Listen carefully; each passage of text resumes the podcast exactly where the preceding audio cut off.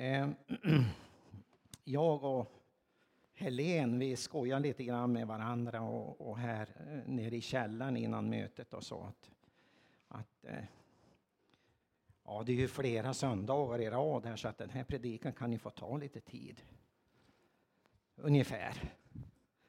Och, eh, jag har tänkt försöka få ihop lite saker i det här. Och, eh, jag tänkte ju från början då jag ska förbereda det här att ja, men, prata om uppståndelsen.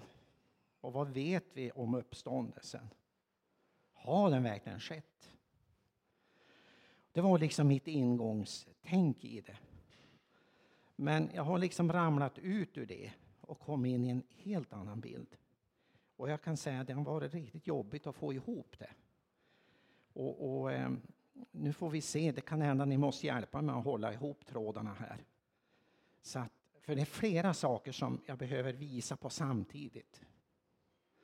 Den ena bilden är bilden av hur Gud spelar som en lagspelare med oss i en värld som är trasig. Den andra bilden handlar om lärjungarnas reaktioner av det som händer.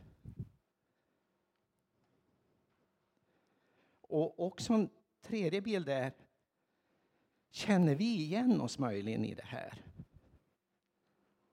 Och mitt i alltihop av det här ska vi försöka ha med oss att Kristus uppstod.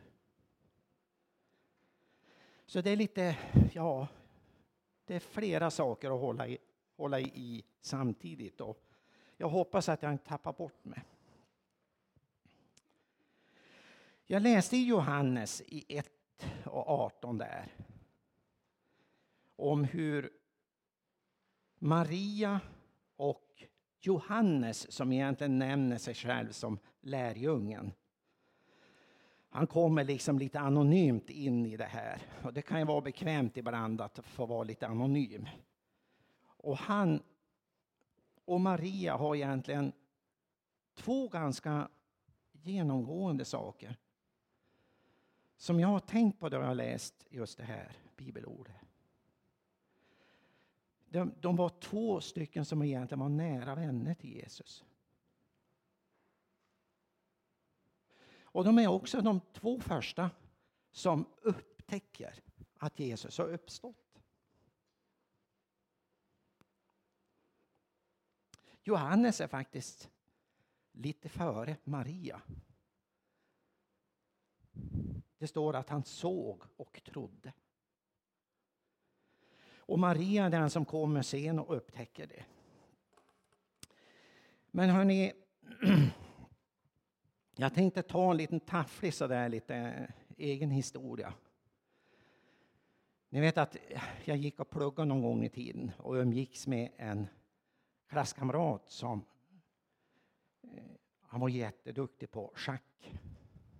Vet ni vad schack är allihop? Det är ett spel och det är, det är ett spel där man behöver tänka flera pjäsrörelser framåt. Och eh, jag var på den tiden lite grann, höll på med schackspel mot en dator. Och jag tyckte jag var värstans duktig på det där. Så att jag, jag utmanade den där killen och sa, kan inte jag och du spela en riktig match i schack?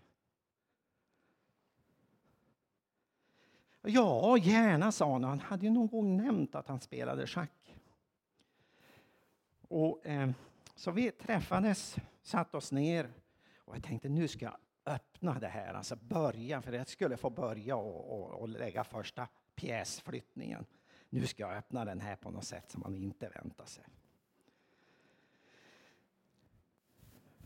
Tre pjäsrörelser fick jag innan jag var schackmatt.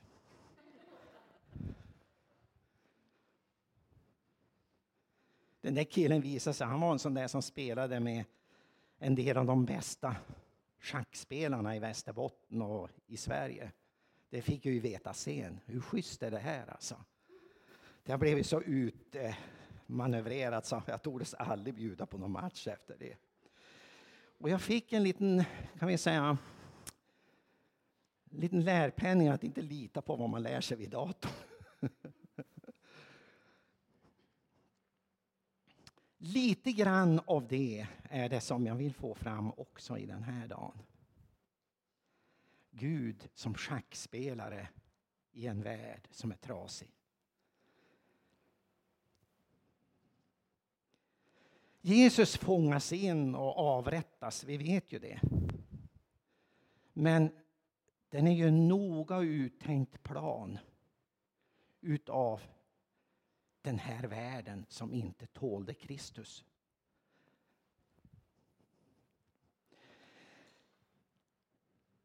Världens vishet tillsammans med ondskan gjorde en plan för att röja undan Jesus. Han var ett hot. Och han var ju ett hot på allt sätt och inte minst för det religiösa etablissemanget.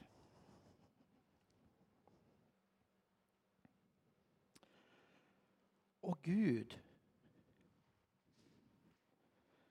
spelar med i spelet.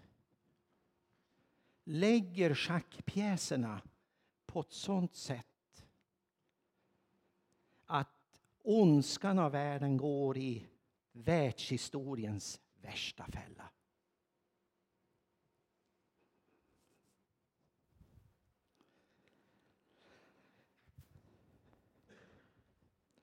Guds dårskap talas det om i Bibeln.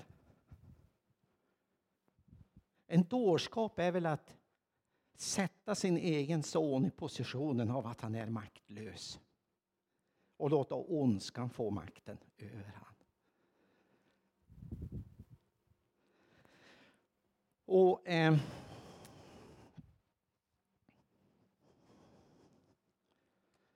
Det är väl ganska tippat att det kommer att gå dåligt.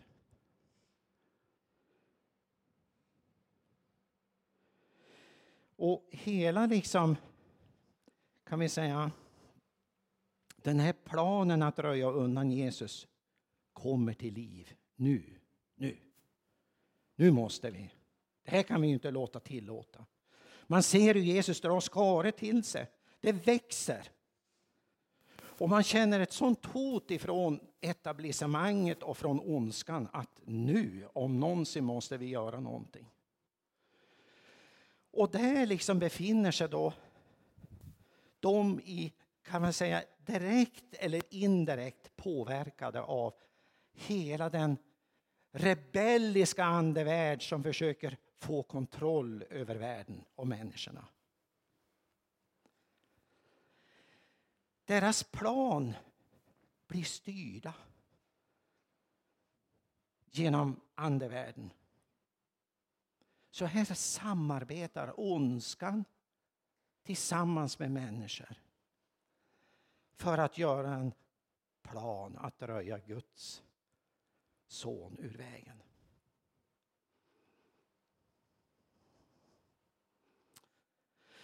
Världens sätt att utbreda sig, det är genom makt. Kontroll och manipulation, vapen, vapenskrammel, ekonomi. Det är världens sätt att utbreda sig sitt rike. Guds sätt är genom utblottelse.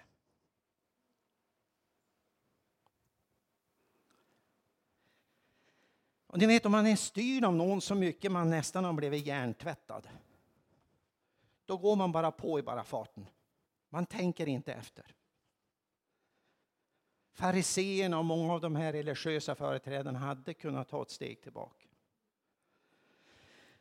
Men eh, Guds dårskap handlar om att segra genom utblottelse.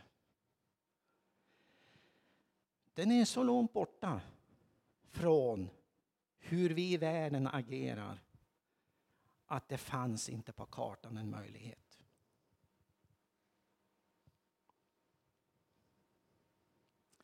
De går i fällan.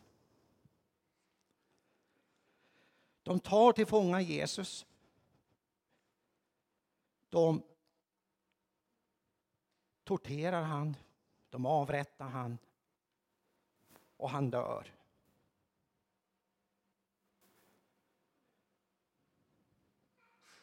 Grejen är den att han är så syndfri och helig att då han kommer ner i dödsriket, vet ni, det går inte att behålla han där. Det står också inom bibelöversättning att han gick ner till dödsriket och predikade för de som var ohörsamma under Jonas tid. Så snacka om det blev lite liv och rörelse som Dan var skicka in Jesus någonstans, då vet man aldrig vad som händer.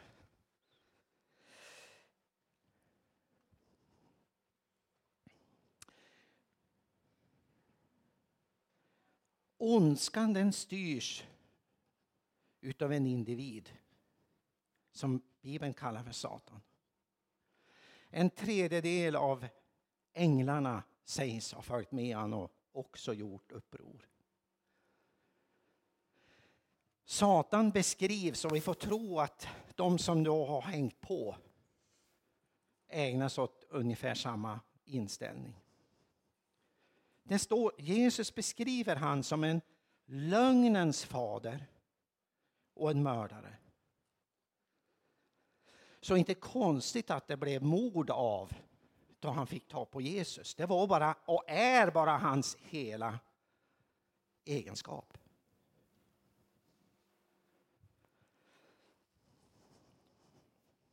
När Jesus hamnar i dödsriket så kan dödsriket inte hålla kvar honom utan måste släppa han. Och Gud gör honom ju frisk. Vid liv igen. Och man kan säga här spricker ondskans fullständiga plan. Nu är schackspelet slut. Det sista och tredje schackdraget, det var schackmatt. Det finns ingenting kvar att göra. Människan man velat röja undan är vid liv. Och dessutom, än värre, hans egna lärjungar får veta det. Och än värre, de börjar tala om det för alla i världen runt omkring sig. Och än värre, ännu fler blir lärjungar med en sån fart så att det blir som en brand.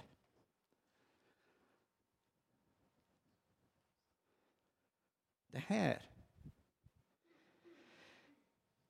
det är kan vi säga en himmelsk plan, en himmelsk strategi och ett himmelskt spel med schackpjäser då Gud är i sitt esse.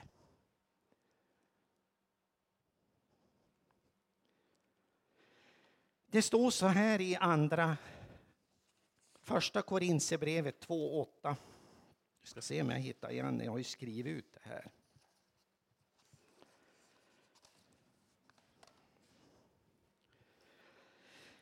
Jag kan läsa från vers 7 till 9 där. Nej, vi talar med visdomen från Gud. Den har legat fördold. Men sedan tidernas början har Gud bestämt att den skulle bli till härlighet för oss. Ingen av den här tidsålderns makthavare förstod den, men om de hade förstått skulle de inte ha korsfäst härlighetens Herre. Men det står skrivet, det är inte ett öga har sett, inte ett öra har hört och inget människohjärta kunnat ana.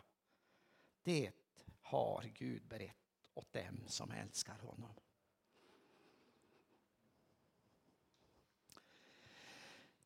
Hela det här schackspelet som Gud håller på med är ett utslag av Guds djupa kärlek till dig och mig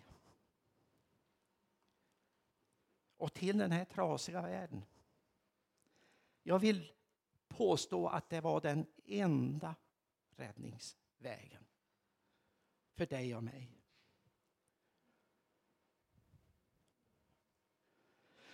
Jag vet inte heller om jag har hört talas om någon annan religion där de står med en tom grav. Och om du tvivlar på att Jesus har uppstått så, så, så kan du få prata med mig eller en del andra här i lokalen som säkert är ännu bättre än jag på att berätta att vi har verkligen en stark anledning att tro det. En eh, amerikansk nyhets rättsreporter skrev i sin bok då han försökte granska i boken fallet Jesus. Han avslutar med att han skriver så här. En av teserna var att Jesus var skendöd till exempel. Så han steg ju upp ur graven. Det var liksom... Det var ju ingen uppståndelse. Men han sökte upp en patolog, alltså en läkare som är specialist på att ta rätt på varför människor har dött. En av de absolut främsta. Och fick förklarat att Jesus, han var döende redan på väg till korset.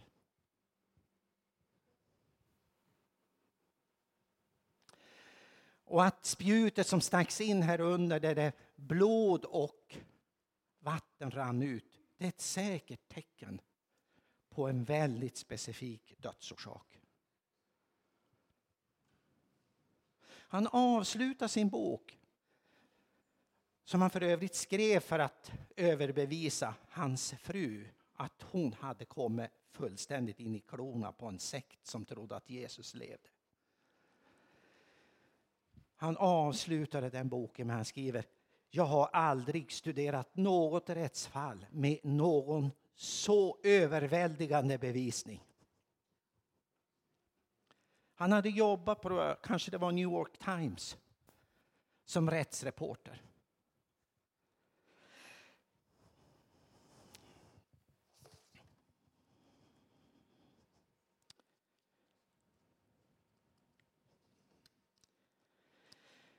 Men vad händer nu med lärjungarna under den här tiden? Vi vet ju att lärjungarna, då Jesus tas tillvara, de skingras. Och de verkar ganska, ganska illa medfarna.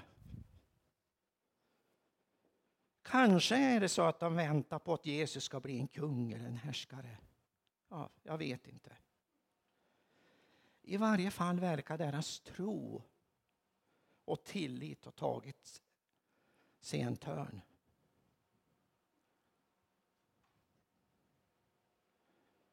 Kanske de tänkte, Gud har nog tappat kontrollen. Han vet nog inte vad han håller på med. Här är det ren skär ondska igång bara. Bara död och elände.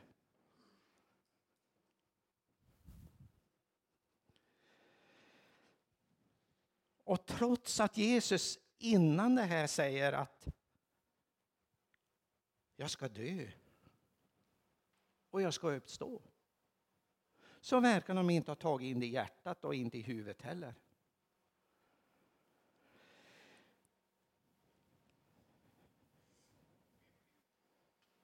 Och i deras perspektiv fanns nog aldrig att Gud skulle visa sin svaghet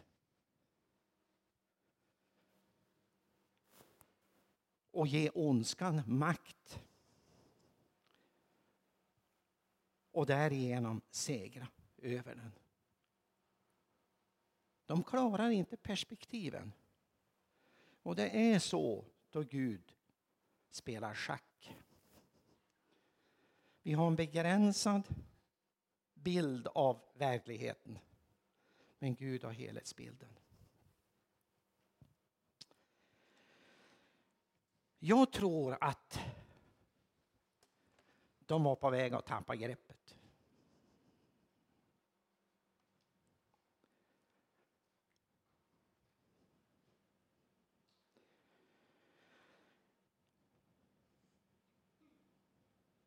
De trodde nog att det hade gått åt pipan.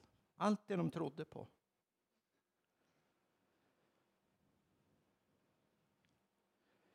Och det är så att vi kan hamna i livskriser. Då livet känns som om att varken vi eller Gud har kontroll över situationen.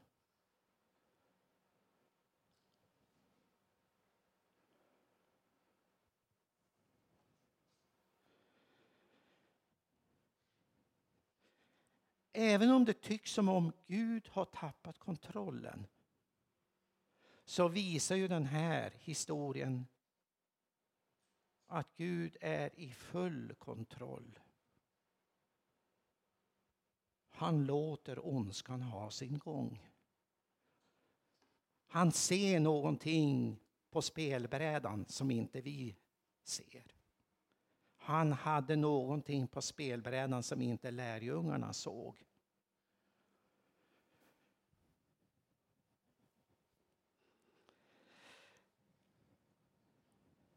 Men allt det här ska vi komma ihåg är Guds kärleksbevis till människan. Det står ju att ingen har visat större kärlek än den som ger sitt liv för någon annan.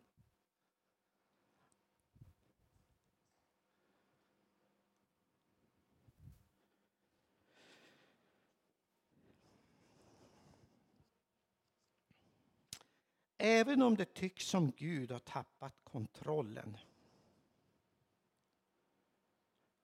Idag eller då eller imorgon. Så har vi anledning att tro att han är densamme. Han har inte ändrat sig. Han är precis lika duktig schackspelare.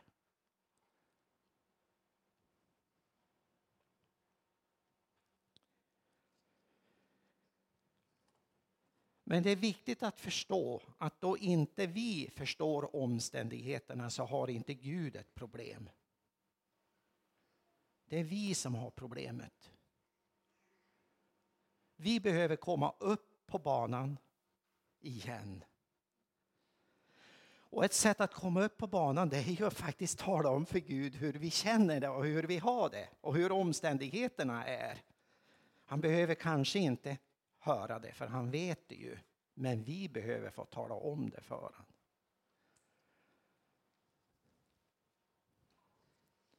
Då klarnar det ofta i huvudet för oss. Vad är det egentligen jag tänker?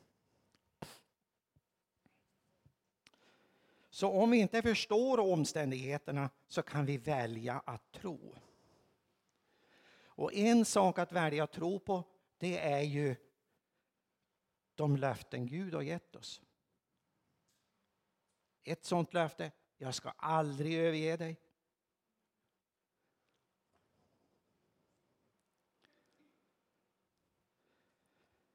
Det finns många fina löften om Guds kärlek i svåra tider.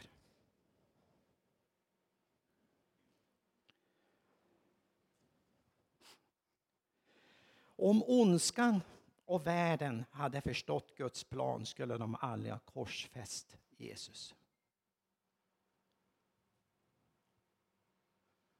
Det är det största nederlag de gjorde. Och i Kolosserbrevet 2 och 15. I nubibeln läser jag där.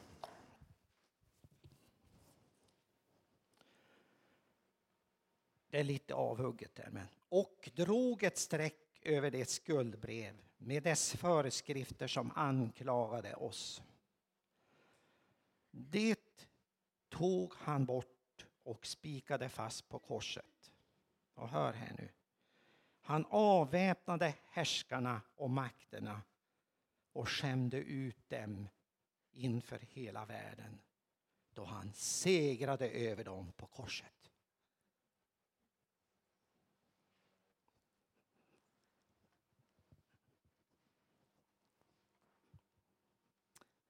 mitt i svagheten.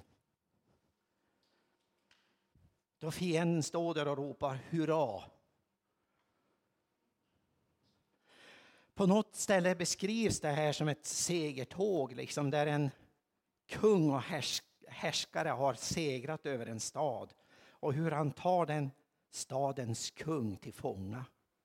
Klär av honom alla kläder och för han i ett triumftåg runt sin egen hemstad för att förevisa vilken seger det var. Så beskrivs det egentligen i den här på ett ställe. Han avväpnade härskarna och makterna och skämde ut dem inför hela världen.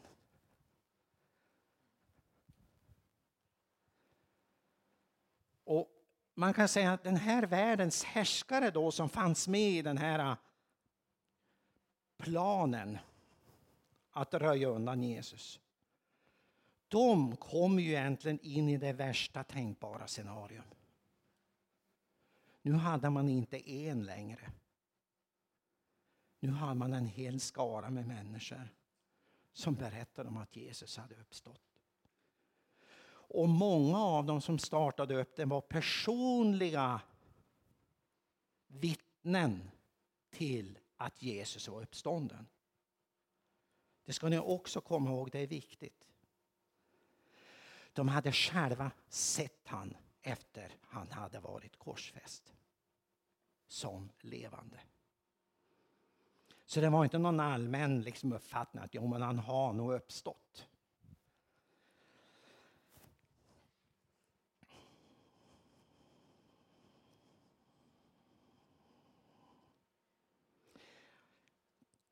Hela påsken är ju egentligen absolut kärnan utav hela den kristna tron. Jag hoppas att jag aldrig kommer ut ur påsken. Men den är så viktig. Allt det vi tror på, allt det vi vet och allt det vi litar till har med påsken att göra. Jesus och Gud agerar i sin kärlek så att vi kan bli räddade. Målet är att vi ska få en personlig relation med Gud.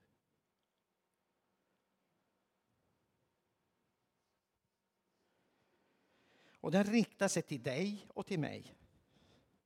Och ger oss möjligheten att göra Jesus som min vän. Eller din vän och också att göra Jesus till din Herre.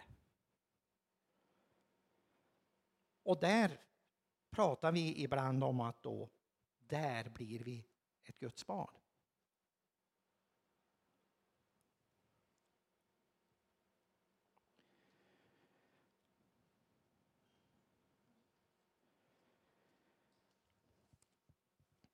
Jesus är uppstånden. Lärjungarna hade problem att tro att han skulle uppstå. Och vi kan ha problem att tro i olika situationer av livet. Jag och min fru Eva-Stina vi brukar kalla det där för en även om-tro. Tror vi fastän det inte verkar ha omständigheterna att kunna ske. Tror vi fastän omständigheterna säger någonting annat. Även om tro. Även om omständigheterna inte tycks som om jag skulle vilja de var, så väljer jag att tro. Det är väl ganska nyttigt att ha med sig för livet. Jag tror inte någon av oss missar möjligheterna till att gå igenom sådana saker.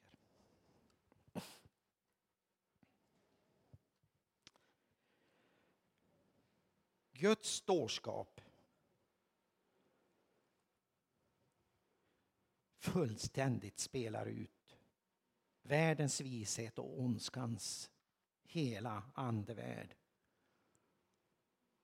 i ett drama som slutar med en uppståndelse. Jesus lever. Han är fortfarande inte i graven. Han lever i högsta grad.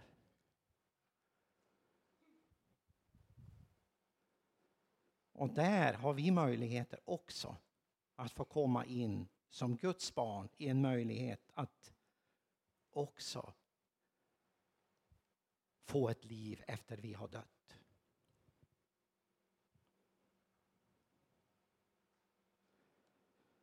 Och där tror jag att jag skulle vilja runda av. Jesus är uppstånden, förblir uppstånden. Graven är tom. Jag och du har möjligheten att få ta oss hela vägen hem till himlen. Men du behöver besluta dig för det. Att göra Jesus till vän och Herre. Tack för mig.